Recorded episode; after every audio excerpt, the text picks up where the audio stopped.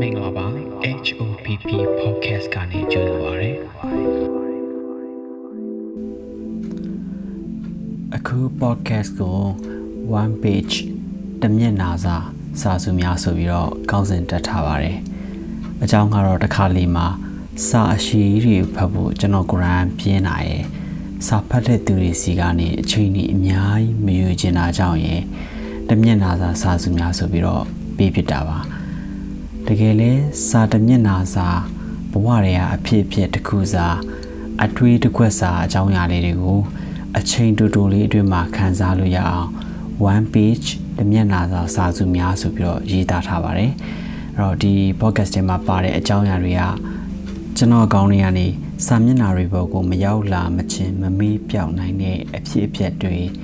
နောက်ပြီးတော့အတွေးအပိုင်းစာလေးတွေလည်းပါပါတယ်တကယ်တော့ one page ထဲမှာ ဖြန့်ထွက်တွေးလို့ရတဲ့အစလေးတွေကျွန်တော်အမြဲတမ်းထည့်ရည်ဖြစ်တယ်